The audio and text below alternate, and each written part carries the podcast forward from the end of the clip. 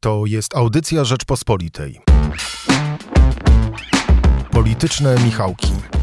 Zapraszają Michał Szułdrzyński i Michał Kolanko. Piątek 21 kwietnia zapraszam Państwa na polityczne Michałki, w których będziemy analizowali spór, a potem porozumienie Prawa i Sprawiedliwości z Komisją Europejską na temat zboża.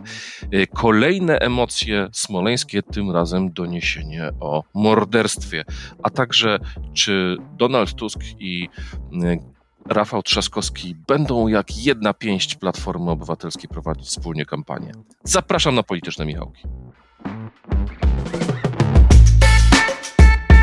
Witamy Państwa serdecznie. Dzień dobry. Zacznijmy może od tego, co wydarzyło się właśnie w zeszły e, weekend, e, w nocy z sobotę na niedzielę, po tym jak mm, Prawo i Sprawiedliwość na konwencji e, ogłosiło, że wprowadza zakaz importu zboża, pojawił się dokument bardzo obfity, zawierający tak naprawdę zakaz importu wszelkiej żywności e, z terytorium Ukrainy. Ty napisałeś w swoim tekście, że PiS w, po to, żeby pokazać rolnikom, że się o nich troszczy, zdecydował się na rozwiązanie atomowe. Dlaczego? Jest, są dwa, myślę, są dwa aspekty tej sprawy. o jednej już wspomniałeś, o jednym z tych aspektów już wspomniałeś, czyli PiS y, uważa, że jest, y, czy, czy, czy uważa, no uważa, że jest ryzyko demobilizacji na wsi. Że to nie chodzi o to, że rolnicy gremialnie poprą jakąś inną partię, tylko że po prostu część z nich, część z tej grupy, to nie mówię tylko o rolnikach, ale ogólnie, ogólnie o tych, którzy, o mieszkańcach wsi, że się zdemobilizują. Bo rolników na wsi nie jest tak specjalnie wielu. Tak y, jak pokazują to, pokazują to statystyki. No i na pewno część tu jest, część to jest właśnie aspekt, nazwijmy to wizerunkowy. Stąd tak e, drastyczne działanie. A druga rzecz jest, e, która też była w tamtym tekście i też e, myślę, że można ocenić w pewnym czasie jej skuteczność tego pomysłu, podejścia, jest taka, że opcja atomowa została użyta tak, tak, żeby było z czego w trakcie negocjacji schodzić. Żeby to Ukrainie i Unii zależało najbardziej na rozwiązaniu tego problemu, e, a nie żeby to Polska w trakcie negocjacji na tym traciła. Tak w skrócie można, można usłyszałem, że taka jest e, racjonalność tamtego, tamtego kroku. I takie, takie pismo miało założenie, że to ma ułatwić Polsce negocjacje z Ukrainą i z Unią tak jak pisaliśmy też w tym tygodniu, to pisała redaktor Słojewska. Po, początkowa reakcja Unii czy Komisji Europejskiej była dosyć e, ostrożna. E, no i PiS też w tym tygodniu zdążyło już ogłosić częściowy sukces swojego podejścia. E, ogłosił to minister rolnictwa, tak? No i teraz oczywiście jest pytanie, co, co dalej. Bo są już e, porównania. Zatrzymamy, zatrzymamy się na tym chwileczkę, dlatego że um, wiem, że znowu um, nasi um, fani, którzy zawsze wytykają nam to, że rozgrzeszamy rządzących w naszym podcaście, a krytykujemy opozycję, ale ja mam wrażenie, że opozycja w pewnym sensie dała się w tej sprawie rozegrać, bo w weekend były e, głosy mówiące, że PiS wyprowadza Polskę z Unii Europejskiej, e, że PiS e, tak naprawdę, no bo, bo tak pierwotnie to wyglądało. Komisja Europejska powiedziała, że przygląda się sprawie, ale kwestia importu jest wyłączną kompetencją Unii Europejskiej. Sami pisaliśmy, redaktor Ania Słojewska pisała o tym, że PiS złamał co najmniej dwa przepisy e, Unii Europejskiej. Między innymi e, ten, który mówi o e, strefie wolnego handlu z Ukrainą, to był ten traktat stowarzyszeniowy sprzed kilku lat, a także tą decyzję wspólną o zwolnieniu z ceł i wszystkich, wszystkich produktów rolnych, co miało pomóc ukraińskiemu rolnictwu.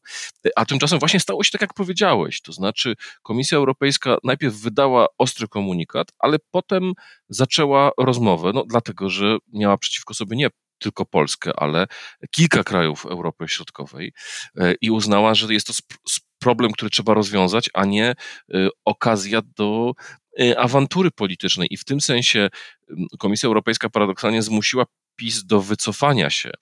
Tak, w nocy wszedł w życie, nagrywamy podcast w piątek rano, w piątek o drugiej nad ranem wszedł w życie. Rozporządzenie mówiące o tym, że można jednak przewozić tranzytem opieczętowanym e, przez Polskę e, ukraińskie produkty e, rolne, więc Polska się z tego musiała wycofać, ale równocześnie ten zakaz przeniesiono na poziom europejski i to Unia Europejska wyda odpowiednie dokumenty w tej, w tej sprawie.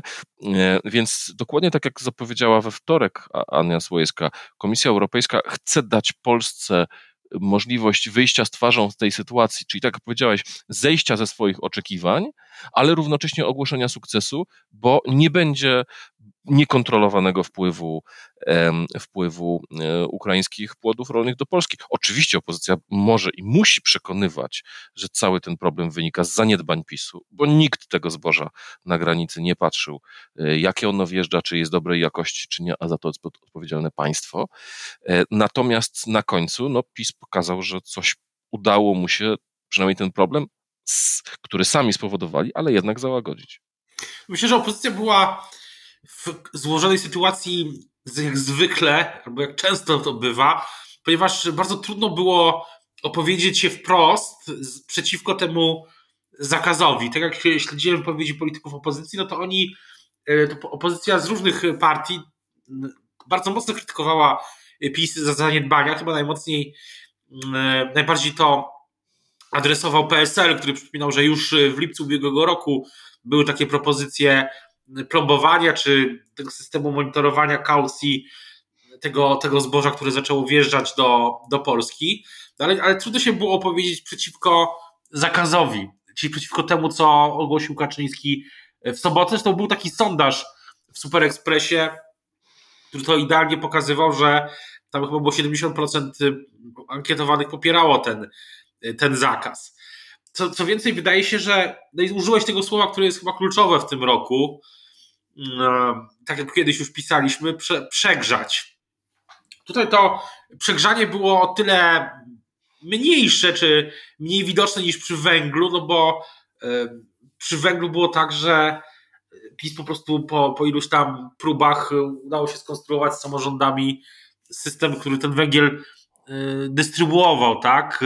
Tutaj zboże już wjechało, już szkody na rynku dla polskich rolników były, tak, zostały poniesione. Te nastroje zresztą dalej tam są, dalej są nie najlepsze, dalej te różne organizacje rolnicze, plus oczywiście partie, plus oczywiście Agrounia, która jest tutaj, jak się można domyślać, bardzo aktywna, która też Michał Kołodziejczak przestrzegał, mówi, że przestrzegał przed tym wiele miesięcy temu, przed całą tą sytuacją. Te partie są, są aktywne i dalej te nastroje jednym takim ruchem takiej tak, tak nagromadzonej sytuacji nabrzmiałej nie da się przeciąć, ale kombinacja tych wszystkich czynników sprawiła, że dzisiaj PiS jest w nieco, zastrzegam, w nieco lepszej sytuacji niż był tydzień temu. Tak się, tak się wydaje też. Też e, jest oczywiście nowy, cały czas nowy minister rolnictwa, jeszcze relatywnie mało politycznie, z, z, który zużył mało, polity, mało swojego kapitału politycznego. No i to wszystko no, prowadzi do takiego wniosku, tak jak powiedziałem, że można chyba taką tezę postawić, że PiS jest w trochę lepszej sytuacji niż, e, niż kilka dni temu, co nie znaczy, że dobrej albo rewelacyjnej, bo do takiej jest e, daleko. No, biorąc pod uwagę sondaże, to jednak one są dla PiSu wyjątkowo łaskawe, jak na to, jak trudna jest sytuacja gospodarcza, jak e, wysokie są e, ceny. E, Michale, ale chciałem Cię jeszcze zapytać o jeden ruch Prawa i Sprawiedliwości, bo w tym roku z powodu świąt Wielkiej Nocy, Wielki Poniedziałek przypadał 10 mm, kwietnia, rozłożono uroczystości smoleńskie właściwie na dwa weekendy, bo były była część uroczystości Wielki Poniedziałek, składanie kwiatów. Tam widzieliśmy mm, po raz pierwszy od dawna Jarosława Kaczyńskiego chodzącego o kulach. E, tak bardzo e, no, widać, że w złej formie, a równocześnie były te tradycyjne obchody miesięcznicy w ostatni weekend, w ostatnią niedzielę, gdy tak naprawdę sytuacja coraz bardziej eskalowała w tym sensie, że mm, zapowiedziano wniosek do prokuratury o morderstwie prezydenta i de, pozostałych członków e, delegacji. Z, z, mówili o tym najważniejsi politycy PiSu. Znów pojawił się Antoni Macierewicz, który jest bohaterem tych dni e, kwietniowych dla e, wiernych fanów Prawa i Sprawiedliwości. I przyznam szczerze, ja kompletnie tej sytuacji nie rozumiem, bo mam wrażenie, że w żaden sposób PiSowi ta sytuacja nie pomaga, ale utwardza tylko jego twardy elektorat, natomiast wszystkich ludzi, którzy są w miarę y, umiarkowani, y, raczej dziwi to nieustanne, ale właśnie raz do roku podgrzewane z tej, tej te tematyki smoleńskiej. Czy to jest tak, że PiS uznał, że raz do roku trzeba zrobić e, wielką, wielkie dziady smoleńskie, zaduszki smoleńskie, podczas których się wspomina wszystkie ofiary no, tej strasznej e, tragedii, ale jednak tragedii, a nie wciąż PiS nie pokazał żadnych dowodów na e, zamach. Wypuszcza się Antoniego Macierewicza po to, żeby no, rytuałowi stało się zadość, a potem, żeby to wszystko przyklepać i żeby to zniknęło na kolejnych 12 miesięcy. Jak ty czytasz tą sytuację? Czytam ją podobnie. Myślę, że to jest, e, tak jak mówisz, że, że to jest sygnał kierowany do, do twardego elektoratu. Ten elektorat PiSu oczywiście się zmienia. To jest taka teza, którą, o której wielokrotnie rozmawialiśmy przez, przez ostatnie lata, ale tam ogólnie ten jest taki, jest pewnie grupa rdzeń, e, dla którego takie sygnały są ważne i tak szczerze mówiąc myślę, że to to pewnie jest jeden z, jeden z, e, jeden z wątków chyba ważniejszych w tej, w tej sprawie. Poza tym pewnie jest tam też wiele różnych takich działań, no troszeczkę e, wiele osób w Prawie Sprawiedliwości ma też swoje ambicje, ma swoje pomysły. Jak zwykle jest tam w polityce zwykle jest tak, że jakieś wielkie strategiczne plany rozbijają się o no, takie wewnętrzne sprawy, wewnętrzne też pomysły, intrygi, yy, pewien chaos. No i to wszystko daje taki efekt, że wiele działań, które widzimy na zewnątrz, wewnątrz jest po prostu przypadkiem. Yy, na pewno tutaj sygnał jest kierowany i to nie jest na pewno przypadek do tego twardego elektoratu, ale ja nie, nie uważam, żeby to był jakiś dzisiaj też najważniejszy temat dyskusji publicznej. Zwróćmy uwagę, że tak jak mówisz, y, no, pojawia się przez na kilka dni, to ten temat błyskawicznie, błyskawicznie znika.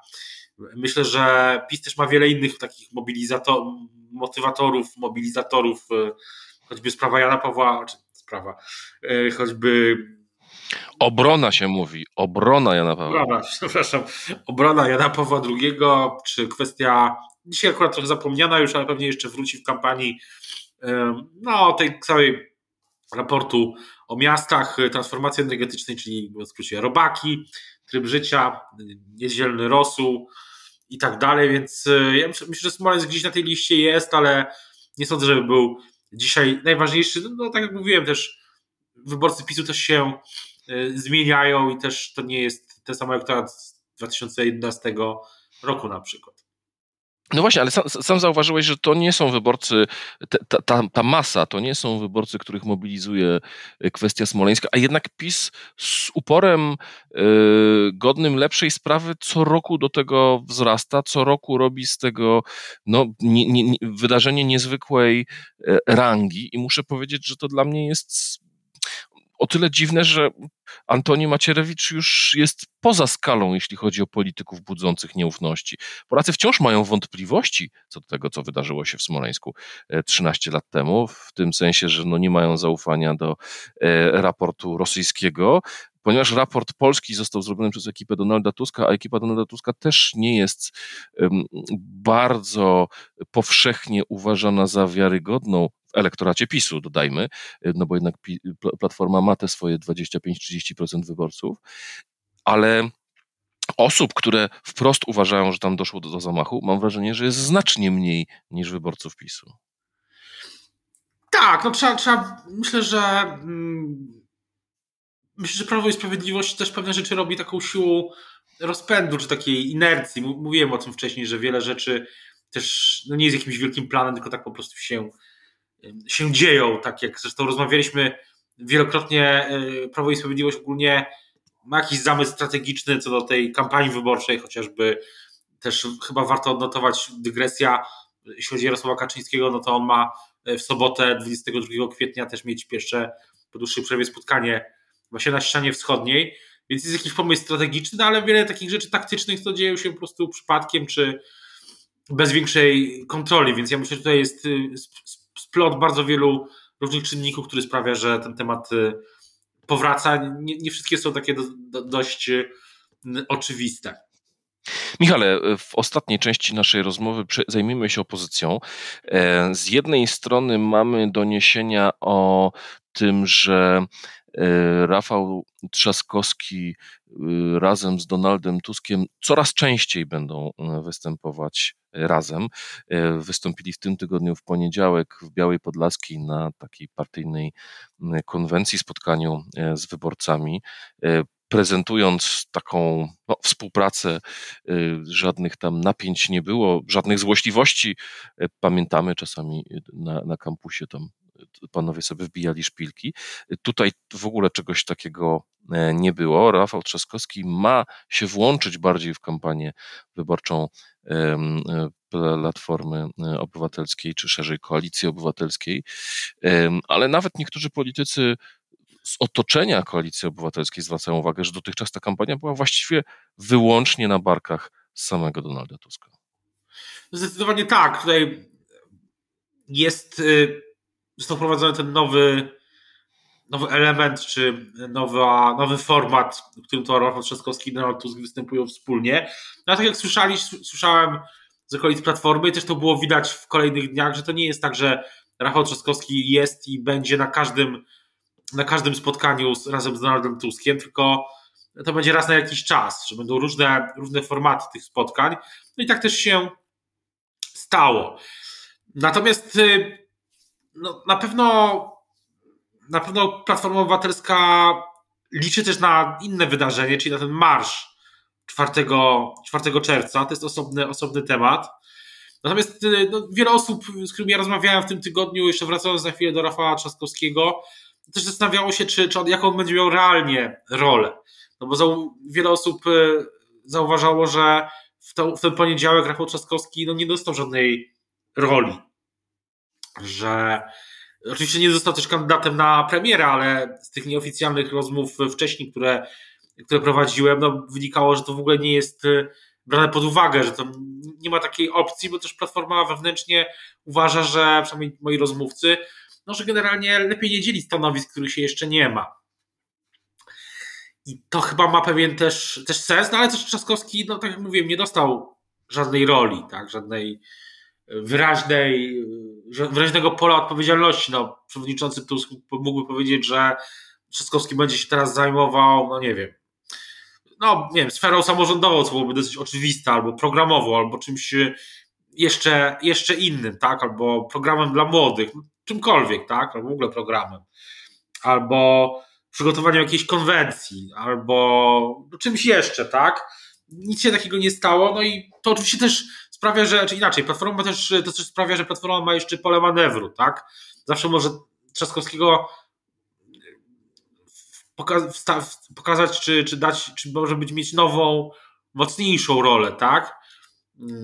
No ale nie dziwię się też niektórym moim rozmówcom, którzy po tym poniedziałkowym spotkaniu mieli pewne poczucie takiego, może nie słowo nie dost, to jest złe słowo, ale takiego takiego, jakby to dyplomatycznie powiedzieć, no poczucie, że można było pewnie więcej. A jak wyglądają relacje pomiędzy mm, Szymonem Hołownią a Władysławem Kosiniakiem-Kamyszem? E, bo najpierw odtrąbiono tam awanturę, to media podawały, e, Gazeta Wyborcza pisała o tym, o zerwaniu e, rozmów. Potem się okazało, że zerwanie e, było przerwą świąteczną, a po przerwie świątecznej również politycy Polski 2050 i PSL-u wrócili do rozmów. Jakie są Twoje informacje i opinie na ten temat? Myślę, że tam te rozmowy, z tego co wiem, te rozmowy trwają. One już są bardzo konkretne, bardzo polityczne, czyli dotyczą tego, co budzi zwykle najwięcej y, emocji, czyli między innymi miejsc y, na konkretnych, konkretnych okręgach. No ale też cały czas mam takie dziwne wrażenie, że tam jeszcze ostateczna decyzja co do formatu startu, czyli to będzie, czy to będzie koalicja, czy, czy lista partyjna, jeszcze do końca nie zapadły. To też y, chyba cały czas się toczy, tak samo nazwa, strategia, to wszystko jest y, jeszcze gdzieś tam w, powietrzu i myślę, że z tego co słyszeliśmy, no to też ma się, oficjalnie padły takie deklaracje, że ma się to rozstrzygnąć w kolejnych y, dniach i tygodniach. W piątek, czyli dzisiaj, gdy nagrywamy, jest y, posiedzenie Rady Naczelnej PSL-u, chyba w sobotę zresztą też. Jutro z kolei Szymon Hołownia ma wydarzenie dotyczące młodych we Wrocławiu, taki kongres, Europejski Kongres Młodych. E, ale myślę, że tutaj trochę obie strony są na siebie e, w jakimś sensie skazane, bardziej chyba Hołownia na PSL niż na odwrót. Więc ja spodziewam się, że jednak bardziej prawdopodobne niż mniej, chociaż oczywiście niczego się wykluczyć nie da, jest jednak jakiś tam sukces tych, tych rozmów. A Konfederacja, y, bo oczywiście część liberalnych komentatorów nie uważa y, Konfederacji za opozycję, ale jednak widać było wyraźnie, że to Konfederacja staje się punktem odniesienia, między innymi w tym kryzysie rolnym, występując tak ostro w sprawie um, ukraińskiego zboża i zakazując importu e, z Ukrainy, mam wrażenie, że rząd myślał przede wszystkim o e, Konfederacji. I to też Konfederacja jest adresatem niektórych wystąpień, czy wyborcy Konfederacji są adresatem niektórych wystąpień e, Donalda Tuska. Czy ten wynik dwucyfrowy i rosnący Konfederacji sprawia, że to ona stanie się punktem odniesienia dla innych, no bo przecież wszyscy wiedzą, że wyborcy między e, sympatią do Donalda Tuska nie przepłyną i nagle nie zaczną głosować na Jarosława Kaczyńskiego, ale już e, Konfederacja może na przykład dla części prawicowych wyborców Prawa i Sprawiedliwości, takich sympatyzujących ze Zbigniewem Ziobrem, być bardziej, Ziobrą, być bardziej atrakcyjna niż PiS. No i tak samo jest ta powszechna teza o tym, że wyborcy liberalni gospodarczo patrzą na, na Konfederację jako na taką partię, na którą no, warto jednak postawić, bo jest bardziej wiarygodna niż e, w takim stricte wolnorynkowym sensie niż Platforma. Ja mam jedną obserwację do Konfederacji, taką główną, że po tych, e, teoria o tym, że jeśli będzie się mówić więcej o poglądach Sławomira Mencena, to Konfederacji zacznie spadać. No niespecjalnie się chyba na razie sprawdza. Jest dokładnie na odwrót. Im więcej opozycja mówi e, i rządzący o Konfederacji, tym mam wrażenie, wyborcy Konfederacji dostają sygnał, hmm, to są jednak poważne, e, to jest jednak poważna partia, bo co do jej powagi można było mieć wcześniej wątpliwości, y, biorąc pod uwagę to, że to partia, która się składa z kilku partii, dochodziło tam do konfliktów, przejęć, prób rozmaitych, zamachów stanów i tak dalej, a jednak wyborcy dostają właśnie tak jak mówisz, sygnał, hmm, skoro nawet Tusk mówi o Konfederacji, to chyba jest jakaś poważna partia. Jest to około 10% na razie, ale z drugiej strony też nie, nie potwierdziła się taka teza, że Konfederacja będzie teraz szybować w górę do poziomu na przykład 15 20%, tak? Takiego szybowania w tym momencie nie ma. Wydaje się, że był taki ogólnie patrząc na sondaże i ostatnie miesiące, to jest lekki wzrost, wystarczająco wysoki, żeby no, zaczęła się cała ta dyskusja o Konfederacji. Rozmowy o Sławomirze Mencenie i tam z tych stu ustawach na razie Konfederacji nie szkodzą. Też ten, to, to jedna rzecz, y, tak ogólnie.